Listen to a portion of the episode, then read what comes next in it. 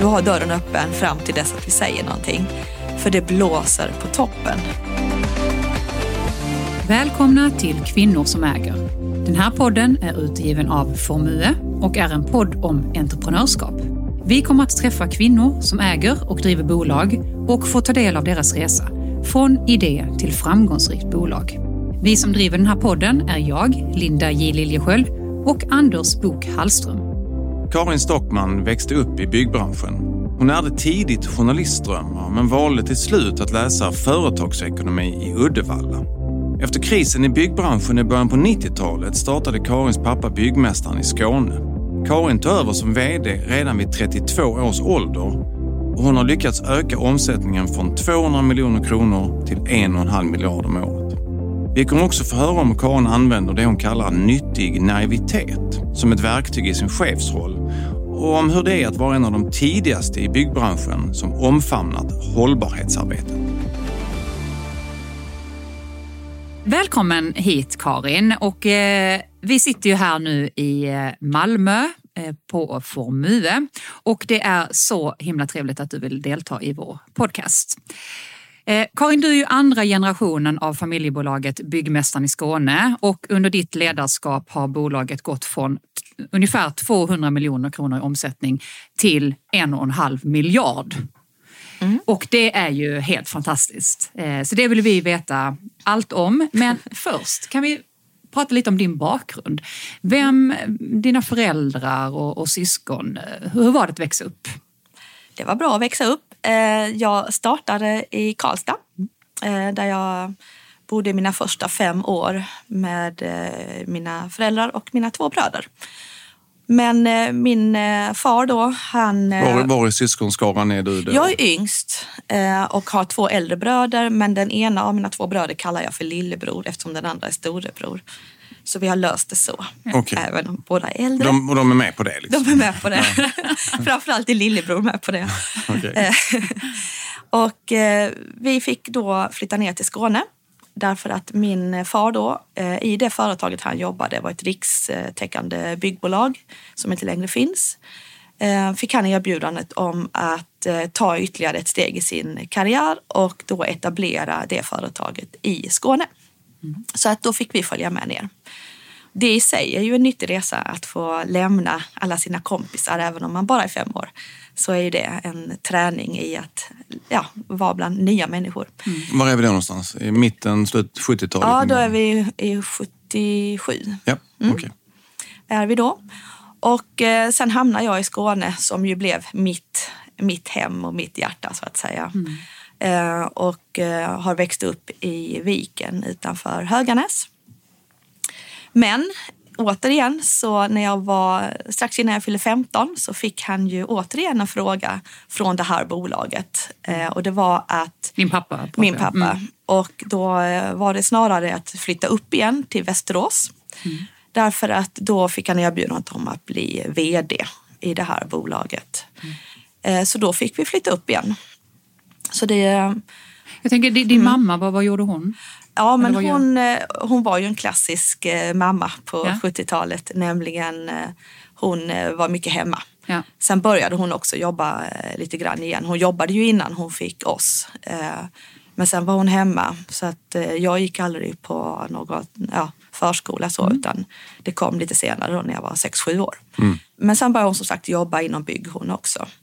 Men vi flyttade upp och eh, återigen fick jag ju lära känna nya kompisar. Vad har du fått med dig från din uppväxt skulle du säga? Mm. Eh, jag har fått med mig eh, nyttan, alltså jag har ju lärt mig mycket av att flytta. Mm.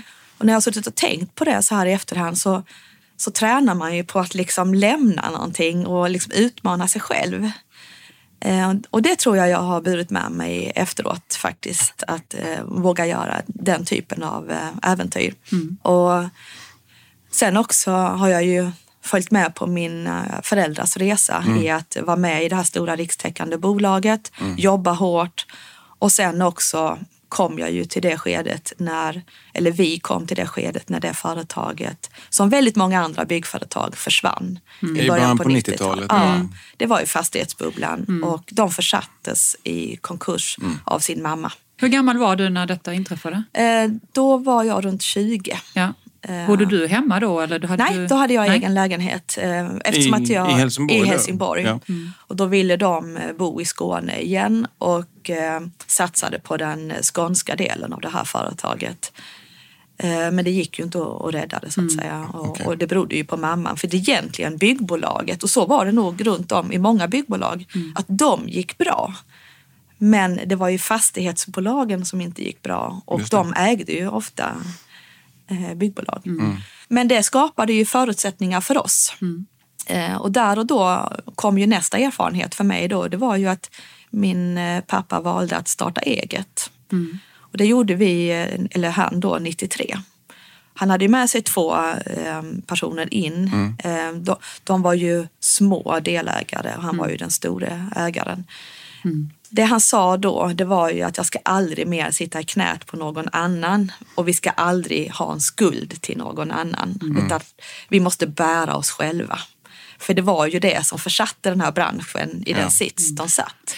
Det är ju så att i kriser kommer alltid eh, lösningar. exakt. Ehm, Och det som var så bra att starta företag då, egentligen var det ju en usel marknad, en usel konjunktur. Men det fanns massvis med väldigt, väldigt duktiga medarbetare där ute som ville ha jobb. ja, det kan jag tänka mig. Så att han kunde ju starta det här företaget med riktigt duktiga medarbetare. Och det tror jag var vår framgångsfaktor. Men att tänk på starta upp. startkapital och sådär. Fick han ta av er privata besparingar? Ja, det var ju det och- privata. kan- Absolut. Belåna hus och sådär också? Eller? Det vet inte jag Nej, okej. om han gjorde faktiskt. Det tror jag inte. Men han startade ju upp det helt och hållet eh, på egen Det var maskin. egentligen det jag ville komma fram till. Utan Ja, finansiering från banker? exakt. Och vi tog inte ett enda lån i, i företaget. Men under, under den här tiden, då, vad, vad gjorde du då? Då var du runt 20. Ja. Och, Jag eh, började min karriär i högskolan då. Eh, jag var sådär, jag, jag ville förändra världen, jag ville rädda världen. Det vill många 20-åringar. Men eh, jag ville också jobba eh, som journalist. Eh, men mina betyg sa att jag, eh, det där kommer inte gå Karin. Så att jag kom inte in på någon sån, eh, ja, någon form av, ens i närheten av någonting som hade med media att göra. Så det fick jag släppa. Men då sa min kloke far till mig att men börja läsa lite företagsekonomi för oavsett vad du vill göra i framtiden så har man alltid nytta av att kunna någonting om ekonomi. var det enklare att komma in på ekonomilinjen Ja, det var det. än eh, media då? Oh ja, mycket Ja, lättare. okej. mm. Och jag hade en plan. Jag skulle läsa i Lund. Jag hade ett jobb. Jag eh, städade trappor. Så då tänkte jag att då kan jag ju bo kvar i Helsingborg så kan jag pendla till Lund. Jag hade en väldigt bra plan. Men sen så kom det ett litet brev att jag hade kommit in eh, även då i eh, Uddevalla. På en högskola som idag heter Högskolan Väst. Eh, jag visste inte var Uddevalla låg men jag tänkte jag kör dit och kollar det Det ligger lite norröver, Lite norröver, precis. Men eh, så att eh, Uddevalla hade ju då en extremt hög eh, arbetslöshet. Det var ju varvet och lite annat där som inte gick som det skulle. Eh, så det var lätt att få bostad. Okej. Så att, eh, och jag fick ett studentboende. Så att jag började min resa där eh, och läsa företagsekonomi. Och faktiskt eh, när jag flyttade dit första kvällen så gick jag runt och presenterade mig i studentkorridoren. Det var en liten studenthus, vi var tolv lägenheter. Eh, Och där råkade jag träffa min man då i en av lägenheterna som också bodde i samma hus. Ja, en av de lägenheter som du knackade på, Ja. så, så fanns han? Ja, Okej. Kände du direkt att... Eh, nej, det gjorde jag inte. Nej. Eh, nej, han var en av alla andra. Ja. Eh, så. Men eh, ja, det löste sig sen framåt Den vägen där där. svängen eh, visade sig vara väldigt betydelsefull. Den var väldigt betydelsefull. Eh, mina kompisar i Lund undrade var jag hade tagit vägen. Eh, men, eh, ja, men jag, spontant så känner jag att det var ett riktigt bra beslut. Ja. Men sen avslutade jag mina studier i Lund. Eh, Så att när jag hade läst tre år i Uddevalla så ville jag ändå någonstans eh, ta en magister eh, eller en master då och göra det i Lund. Så att någonstans hade landat i Lund i alla fall. Även om det tog lite längre tid för mig att komma dit. Men du hade inte jättestor kärlek för ekonomi till Nej, det hade jag inte. Nej. Jag hade mycket fördomar, eh, det inser jag ju. Och eh, fördomarna var ju att ekonomer, de sitter ju bara och håller på liksom med siffror och troligen eh, alltså sitter med räkningar. Och sen så sitter man och bokför någonting. Jag tyckte det lät supertråkigt, vill jag inte hålla på med. Bygg var jag inte heller intresserad av. Ehm, Även om mina föräldrar var i den branschen så kände jag inte alls det Hade suget. du helt släppt tanken på en bana inom journalistiken då? Eller Ja, fanns det den hade jag. Den, okej. ja, den släppte jag. Eh, Men det har ju visat sig att jag har ju ändå hållit på med, med kommunikation. Absolut. Eh, Och det var jag ju inte medveten om som 20-åring, att kommunikation är ju någonting man kan jobba med på alla möjliga sätt. Eh, och det har jag ju gjort. Så att eh, det i sig har ju varit roligt då. Eh, och jag insåg ju också att ekonomi är väldigt mycket bredare än att sitta och bokföra. Min man tillhör ju då den här skaran som håller på med bokföring och det här mera ja, se till att ett bokslut blir bra. Ja. Eh, Men däremot så tycker jag det är kul att jobba mer med alltså, prognoser och göra bedömningar och titta på investeringar. Men framför allt jobba med strategier. Så det insåg jag att men herregud, det här är ju marknadsföring. Absolut. Eh, Så jag landade ju perfekt. Ja. Eh, Det visste jag ju inte. Nej. Eh, Men jag är superglad över den bakgrunden idag. Men vad var det då som fick dig att gå in i, i familjebolaget? Det var ju som sagt inte den bästa konjunkturen att kliva in eh, när man var klar i högskolan. Och samtidigt så hade jag ju hjälpt till lite ja, men på helgerna eller på somrarna och sådär. Så var jag ju med och hjälpte till. För mycket av kontoret i det nystartade företaget var ju hemma hos mina föräldrar. Så att de satt ju där i källaren och grejade lite. Så då fick jag också göra det. Företaget växte ju eh, lite grann även då. Och eh, jag eh, hjälpte till. Ja, men det var allt från att fakturera till att ta hand om leverantörsfakturor till att växa med uppgifterna till att börja jobba mer med kvalitet, miljö, arbetsmiljö. Och den stora händelsen var väl att eh, vi eh, kanske inte var världsmästare på eh, säkerhet på byggena och det var väl kanske inte så många andra heller på 90-talet. Just det där med säkerhetsarbetet inom bygg, det har väl utvecklats extremt mycket från 90-talet tills idag? Jag var extremt ocool eh, på 90-talet som jobbade med arbetsmiljö. Och dessutom att jag gjorde det i den befattning jag ändå hade. Så att det var inte jättetrendigt. Eh, nu tävlar man ju om arbetsmiljö. Eh, så att idag är det ju en jätteviktig fråga. Eh, och jag har inte släppt den operativt. Jag har ju andra i kring mig som jobbar med det, men jag har inte släppt frågan. Parallellt jobbade jag ju också i ett jättestort företag, ABB. Så jag kunde liksom lära mig både det stora företagets, alltså det som är gott i ett stort företag och ta med mig in i det lilla företaget. Och så kunde jag också bestämma mig för vad jag tyckte man ska undvika i det lilla företaget som finns i det stora företaget. Så det var en god erfarenhet. Men sen var jag tvungen någonstans, eh, vilket år det nu var, eh, bestämma mig. Var ska jag jobba någonstans? Eh, och ta den riktningen. Och, och då blev det ju att jag vill vara kvar i Byggmästaren i Skåne. I Och då lämnade du ABB och gick fullt in i Ja. Byggmästaren. Ja. Hur kom diskussionerna upp att du skulle ta över bolaget Ja. på sikt? Min far frågade mig lite löst sådär, hur jag såg på framtiden och eh, om jag var intresserad av ett generationsskifte. Eh, för han hade ju gått och klurat på hur ska han göra. Han ville ju ta ansvar för någon slags succession. Sen om den var inom familjen eller om den skulle ske på annat sätt. Det hade vi ju inte landat i. Men eh, han frågade mig om jag hade ett intresse. Och det sa jag att det har jag. Och hur gammal var du då? när ni hade Ja, då var jag ju, vad kan jag ha varit, 27 och sånt. Ja. Ja. det var ganska tidigt.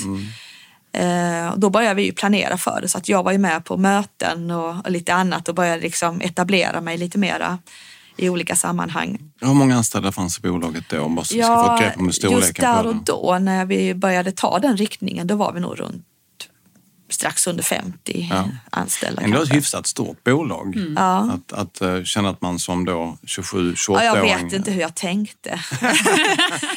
jag tror inte man tänker så mycket där och då. Eh, idag vet jag inte om jag hade svarat samma sak. Eh, men där och då så, ja, nej, men det låter kul, det vill jag göra. Ja. Eh, och jag var 32 när jag tog över.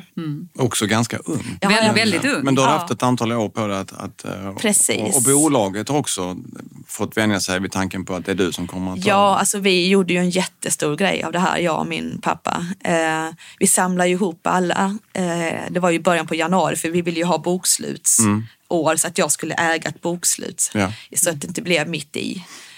Eh, samlade alla och jag var väl lite smånervös och sådär och tänkte jag undrar hur reaktionen blir. Så berättade han ju då att ja, Karin kommer här nu kliva in som vd istället för mig. Och de bara, jaha var det bara det mötet skulle handla om? Alltså, det var ju liksom ingen stor Ja. fråga alls Nej. för Var det bara medarbetarna. det? Kan vi fika nu? Ja, för de hade ju liksom, ja men det visste vi ju redan. Okej. Ungefär så Ja, var ja. det. Eh, De, och jag tror att många uppskattar att vi är det här familjeföretaget och de känner en trygghet i att vi inte har den här hysterin kanske som man kan ha i med, ja, kvartalsrapporter Ja. och allt det här. Utan ja, vi tar vår resa på vårt sätt i, i lugn och ro. För att det blir ju inte lugn och ro, men eh, ändå liksom, så har vi gjort det i lugn Ja, men som anställd, att veta att det är en, en, en trygg ägarbild, Mm. eh, det är ju ganska värdefullt. Och att, att slippa just det du säger, kvartalshysterin. Mm. Eh, Ja, Men du, du bildar familj också Mm. under... Det gjorde jag ganska tidigt. Ja. Så att eh, min son han eh, kom ju när jag var 26 eh, och dottern föddes ju 00. Ja. Eh, så att eh, jag hade ju småbarn när jag klev in som vd. Eh, men eh, när, framförallt när min son eh, var liten, det första året, han var en ganska snäll kille, så han eh, fick ju följa med mig till kontoret. Även om jag var föräldraledig så var jag ju in kanske en, två dagar i veckan. Så fick han ju hänga inne på kontoret. Och det fick ju hon också göra sen. Eh, och jag satt med i några möten, eh, ammade bland annat. Det gick ju bra det också. Men- sen när du då kom in och tog över som vd, eh, vilka förändringar eh, skulle Mm. du säga att, att du har gjort eller genomfört Mm. sen dess? Jag tog eh, första året till att landa. Eh, för att det är en stor sak att kliva in efter någon annan och framförallt när det är ens far. Eh, så att man inte känner att man måste fylla någon annans skor utan jag måste hitta mina egna skor. Så att första året gick mest ut till att liksom förstå vad, vad har han gjort de dagarna som inte jag har fattat. För det är, ibland är det faktiskt så att man inser att det finns en massa uppgifter som jag inte kände till. Eh, Så jag landade och sen började jag liksom forma eh, resan framåt. Och det jag tror att jag har varit med och bidragit till ganska mycket, det är ju hur vi har effektiviserat vårt sätt att jobba rent administrativt. Både i den i en vanlig administration men också i projekten. Att digitalisera processerna. Det har jag nog varit en ganska viktig mamma i, eh, skulle jag vilja påstå. Eh, och också att vi har jobbat i ett ledningssystem. Eh, det gjorde vi ganska tidigt och certifierade oss 2004. Många tycker ju liksom, "Ah, det är en pappersanka, men det är inte en pappersanka hos oss. Utan jag gjorde ett ganska lätt system, få rutiner, få dokument, få skallgrejer, utan mer att ett processorienterat sätt att jobba. Eh, och det har vi ju haft sedan dess eh, och Mm. Kan du ge- dessutom utvecklat. Kan du ge ett exempel på hur det var innan, Ja, innan men- du kom in med de, de här nya processerna och rutinerna? Ja, alltså vi hade ju inte liksom likartat sätt att jobba. Eh, och bara en sån enkel sak som att vi har ju mycket regelverk. Alltså det här är ju en jätteenkel sak, men vi hade mycket regelverk. Vi är skyldiga att ha detta regelverk tillgängligt eh, för alla. Till exempel alla dessa arbetsmiljöföreskrifter och det var Boverkets föreskrifter hur man ska bygga eh, och, och så. Så jag fick ju den stora äran att vi vi köpte in såna här trälådor. De som jobbar i byggbranschen vet vad jag menar, men, men en låda med lock i alla fall som man kan låsa. Där la vi alla dessa föreskrifter och annat, så det var vårt bibliotek. Och det här förnyas ju hela tiden. Det är ju nya föreskrifter och det förändras. Så då fick jag ju åka ut och byta dem till alla byggarbetsplatser. Alltså alla byggarbetsplatser hade var- en varsin trälåda. Ja, med ett bibliotek. eh, sen, eh, och vi hade ju inte datorer ute på byggena. Vi hade ju, alltså e-posten var ju få förunnat att ha. Liksom. Och sen kom vi ju till det här, vi började koppla upp fiber alltså, och få in internet på byggena. Det var ju jättestort och det är inte länge sedan, det är ju 20 år sedan. Och sen 2008 hände det ju någonting stort. Jag och en annan kollega skaffade en smart telefon och vi fick ju internet i telefonen och man fick appar i, i sina telefoner. Vi var först ut i företaget och sen blev det ju liksom mera Yngre lyssnare kommer inte förstå alls vad vi pratar Nej, om nu. för det, det, de är födda med det. Ja. Eh, Men för oss var ju det här något enormt. Och jag vet, jag satt, eh, jag hade varit uppe på ett möte i Stockholm och satt på flygplatsen och läste en eh, kvällstidning. Och den tog jag ju ganska mycket nät och det visste ju inte jag, för jag fattar ju inte det. Och sen kom ju räkningen, eller fakturan till företaget, det var ju flera tusen för att jag hade suttit och läst eh, tidningen på nätet. Men jag var ju så fascinerad mm. över det här internetet. Men det skapade ju enorma förutsättningar för att jobba smart. Mm. Idag bär vi ju omkring på den här äh, mobiltelefonen. Vi har, eh, det är ett arbetsverktyg idag, det var det ju inte då. Vi, kan, eh, vi skriver vår tid, vi skriver våra resor, vi kollar den här föreskriften mm. som vi tidigare hade i den här papp, eller, lådan. Då. Vi kan kolla ritningar, eh, vi kan fota och göra liksom, ja, reklamationer. Mm. Vi kan gå skyddsronder och bocka i. Alltså det, det, finns ju en uppsjö av möjligheter idag med denna mobiltelefon. Mm, vilken effektivisering. En enorm effektivisering. Mm. Det visste ju inte jag på 90-talet. Men upplevde ni att ni låg i framkant i, ja. i branschen? Vi ligger i framkant eh, jämfört med väldigt många andra företag. Mm. Framförallt i vår egen storlek och de som är lite mindre. Sen har jag ju kollegor då som också är i framkant och som är väldigt stora. Men de har ju helt andra muskler mm. eh, än vad jag har. Men jag tycker ändå vi är väl framme. Mm. Eh, och driver frågan aktivt även för andra. Försöker stötta andra företag faktiskt mm. att eh, ta sig åt det hållet. Har det varit en viktig del i er möjligheten mm. för er att kunna växa så snabbt? Att jag ni har varit det. framgångsrika även i ja. de här andra avseendena som du nämner? Ja, jag tänker hela tiden för att växa, det tar kraft eh, mm. och energi. Och då måste systemet kunna rulla av sig självt. Mm. Och jag har fått systemet att rulla hyfsat bra mm. av sig självt. Vi har en väldigt slimmad administration. Eh, trots att vi omsätter en och en halv miljard i koncernen så är vi tio personer totalt som jobbar administrativt. Oj, det var inte många. Oj, och då är jag en av de tio. Och hur många anställda är ni nu? Eh, vi är knappt 300 mm. idag. Mm. Och de flesta jobbar ju alltså med projekt, antingen att räkna på dem eller att driva dem mm. eller att bygga dem. Mm. Eh, så tio av oss gör inte det. Och 290 i aktiv produktion. Ja, alltså ja, de är ju inne på kontoret också. Mm. Eh, men, men de sitter inte och jobbar med overheaden så att säga.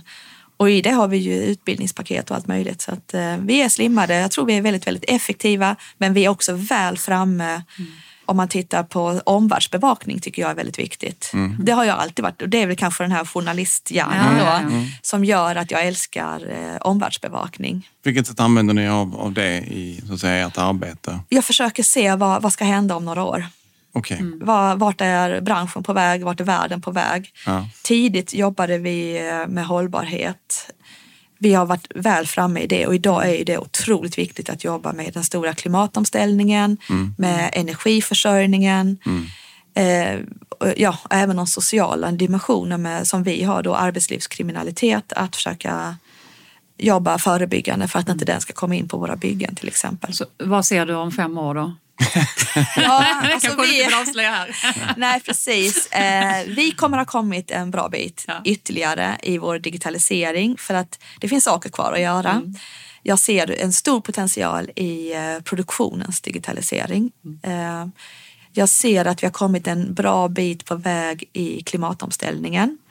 Vi håller på att titta ganska nyfiket, men kanske också naivt. Men det är bra att vara naiv när man ska utveckla. Mm. Eh, på hur vi kan skapa fossilfria byggarbetsplatser. Och det är en utmaning. Det är ju jättespännande. Mm. Det ser vi fram emot att uh, ja, följa. Så att, uh, jag drivs av lönsamhet, mm. det är det absolut viktigaste. Men jag, jag drivs av att göra det ihopkopplat med de här andra bitarna. Jag tror också att det, det kan vara med och generera affärer. Jag bara tänker, vi var inne på det, ni har ju vuxit mm. oerhört mycket och då har ni nästan uteslutande vuxit organiskt. Ja. Eh, berätta lite kring hur du tänker kring det. Ja, vi har ju fått många frågor om eh, uppköp. Alltså dels att bli uppköpta men också att köpa upp andra. Eh, men har sagt nej i väldigt stor utsträckning och jag tror på organisk tillväxt av det skälet att då kommer det in personer successivt in i organisationen. Jag rekryterar in medarbetare och inte köper in bolag. Eh, de här personerna kan vi ta hand om och få in i vår kultur mm. och i vårt sätt att jobba. Köper man ett bolag så är det ju inte alltid de kanske tycker det är superkul att bli uppköpta. Och det har man ju sett flera gånger om, tycker jag, i andra verksamheter att man kanske jobbar emot varandra, man har subkulturer på ett Mm. sätt eh, jag inte vill ha.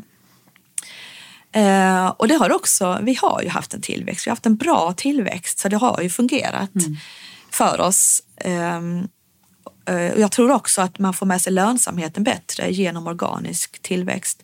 Däremot blev vi uppringda av ett företag som ville bli uppköpta av oss Eh, och tyckte att ja, men ni har en kultur vi gillar, kan inte ni köpa upp oss? Och jag var väldigt så här, ah, vet inte riktigt om jag tycker det här är en bra idé. Men vi träffades och pratade och landade i ett köp. Så jag har gjort ett köp. Ett köp och det är Renbygge. Då. De är jättesmå i förhållande till koncernen i stort. Omsätter runt 120 miljoner och är 60, eh, 65 medarbetare. Men du upplevde att det var lätt att kunna få in de Ja. här medarbetarna i er kultur? Ja, När, när ni nu då eh, växer organiskt så är det ju viktigt med medarbetarna då, Mm. att hitta eh, rätt medarbetare. Hur, hur lockar ni rätt medarbetare skulle du säga? Det handlar om att eh, få dem att eh, tycka att vi är en organisation där man får ta egna beslut. Eh, det är en organisation som satsar mycket på kompetensutveckling. Eh, men att det är mycket frihet under ansvar och det passar inte alla.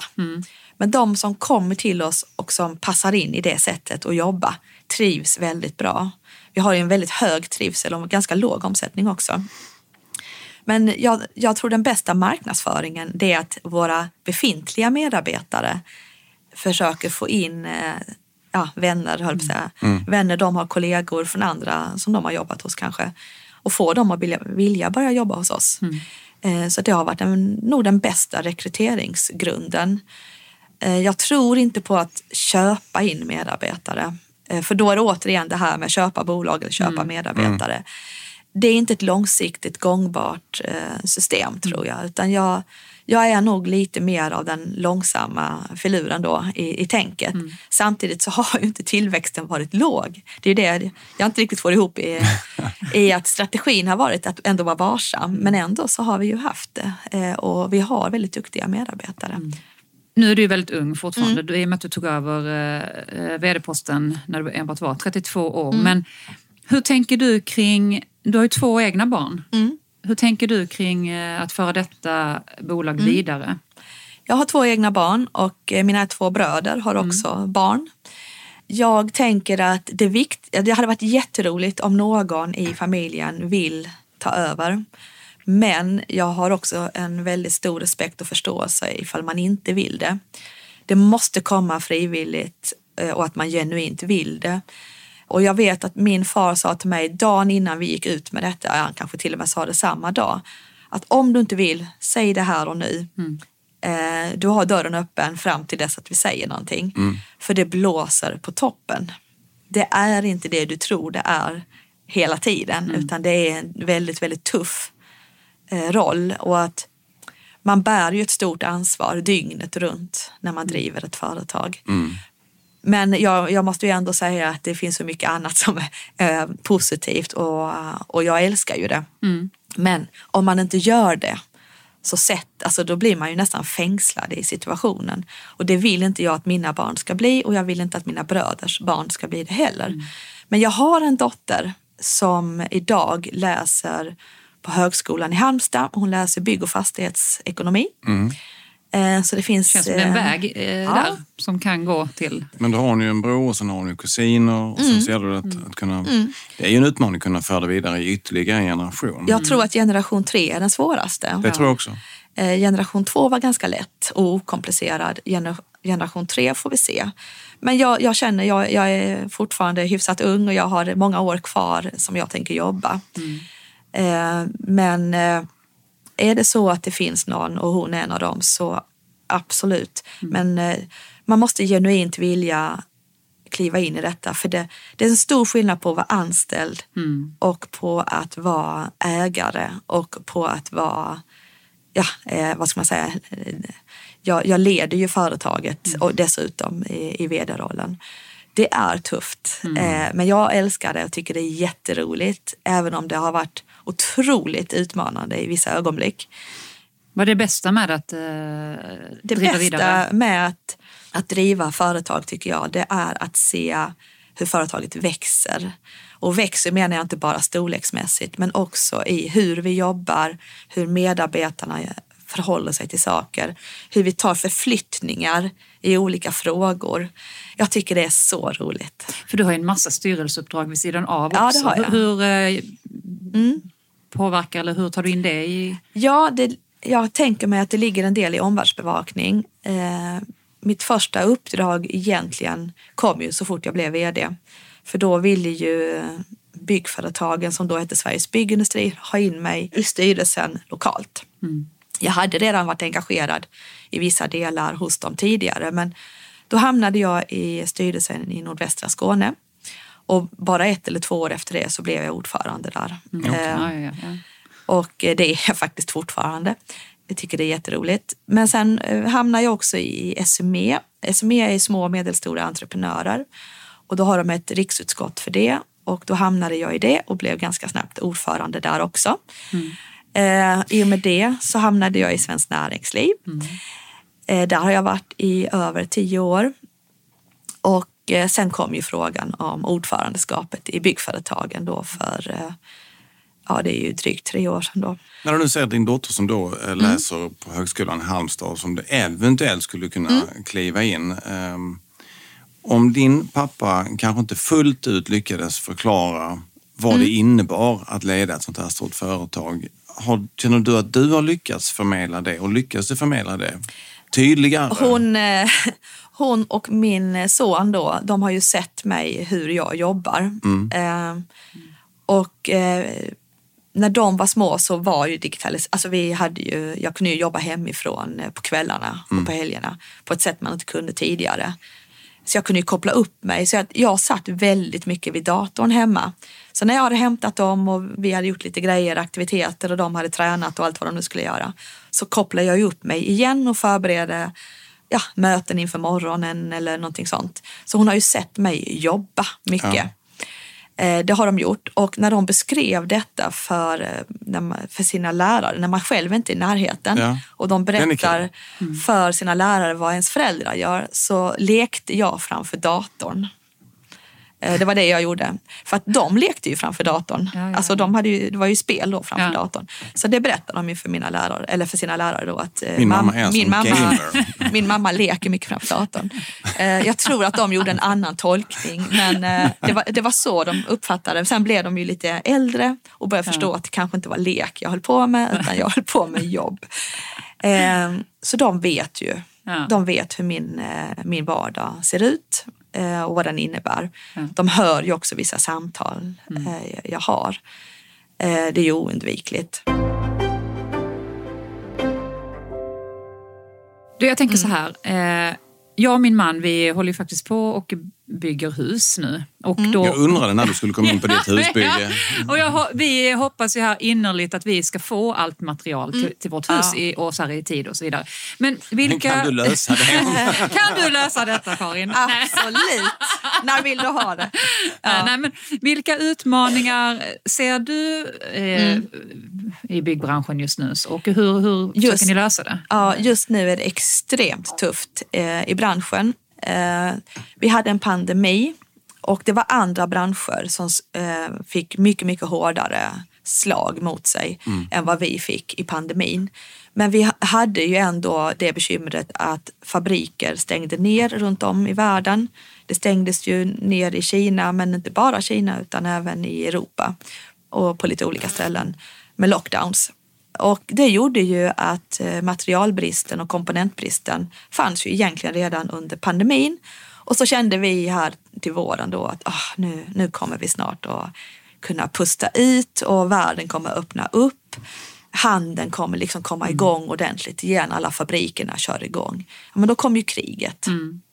Eh, och vi sitter fortfarande med en pandemieffekt. Ni vet ju att Shanghai, har, det är ju ändå ganska många invånare. Mm, och eh, de stängde ju ner, nu tror jag de har börjat öppna upp eh, successivt men då har jag väl hört att Beijing sitter väl lite i samma sits då att eventuellt Mm. göra samma sak. Så att pandemieffekten är inte borta. Nej. Den, vi ligger långt efter i produktionen där. eh, kriget i Ukraina, vid en första anblick så tänkte jag naivt nog, så satt jag och funderade på, har vi någon rysk handel i byggbranschen? Har vi någon trä rysk och sådär. handel? Ja. Så satt jag och funderade på vad kan det få för konsekvenser? Nej, men Sveriges handel med Ryssland ligger runt knappt 1,5 procent totalt sett. Eh, Belarus, ja den är ju obefintlig, den är ju 0, någonting. Ukraina 0, någonting. Ja, men det kommer nog inte få så stor inverkan. Det var min första tanke. Men en dag senare insåg jag att, nej men herregud, den indirekta handeln är ju enorm. Vi har jättestora problem idag. Du nämnde trä. Ja. Det är en jätteviktig vara. Parkettgolv har vi ju letat som galningar efter. Normalt sett köper man ju golv av en leverantör och sen kommer de med det. Nej, vi fick ju då hämta från tre olika leverantörer för att lösa det bostadsprojektet. Tänkte man då, vad bra, då har vi löst det. Vi har köksinredning, alltså badrumsinredning, skåp. Skåp är också väldigt svårt. Vi har armering. Eh, stål kommer ju då ofta till den här armeringen från Ryssland och Ukraina och det, ingen kan ju ha missat stålverket i Mariupol. Nej, verkligen inte. Eh, och de har stora stålfabriker i Ukraina, eller förlåt, hade Ja. fungerande stålfabriker i Ukraina. Eh, så stålet har ju en enorm betydelse för byggbranschen. Vi har eh, oljebaserade produkter till asfalt, till bitumen då. AdBlue, bara en sån liten detalj.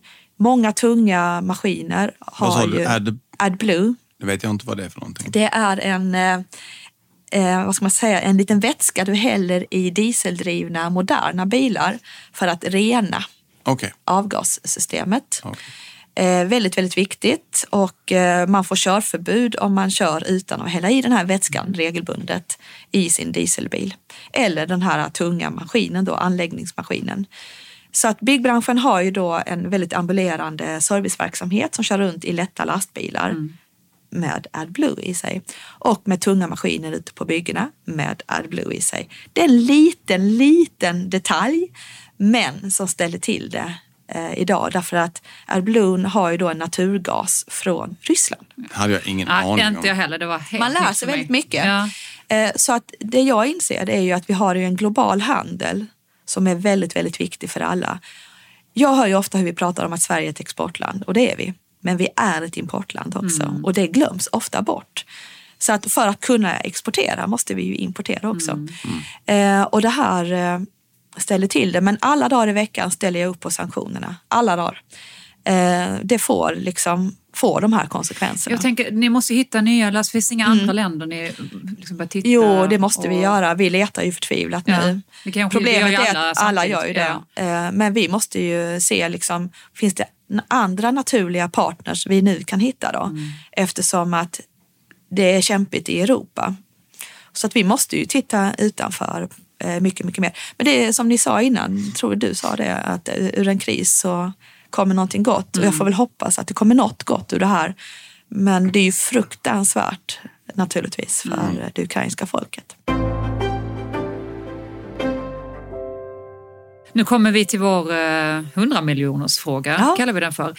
Om du skulle ge tre goda råd till, till de som eh, lyssnar och som Mm. eh, vill starta eget bolag, vad skulle du då säga till dem? Vill man eh, så ska man göra det. Jag tror man kommer ångra sig. Alltså, vi är så rädda i Sverige för att misslyckas. I vissa andra länder är det nästan en kultur att våga göra och att misslyckas. Det är en del av resan. Och det betyder inte att man gör det, men jag tycker inte man ska vara rädd. För har man drömmen om att starta något så ska man göra det. Det är ett råd. Det andra rådet är att det är jättebra att lyssna på andras goda förslag och annat. Men man ska inte glömma bort sig själv på den här resan. Och eh, till syvende och sist måste du ta egna beslut och bottna dem i din egen kompass. I vad du vill göra. Så även om man får goda råd från andra, eh, var inte rädd för att ändå gå din egen väg. Det var bra eh, avslutande ord till, till våra lyssnare. Tack så jättemycket Karin Tack så för att du ville komma hit och delta i vår podd. Tack så mycket!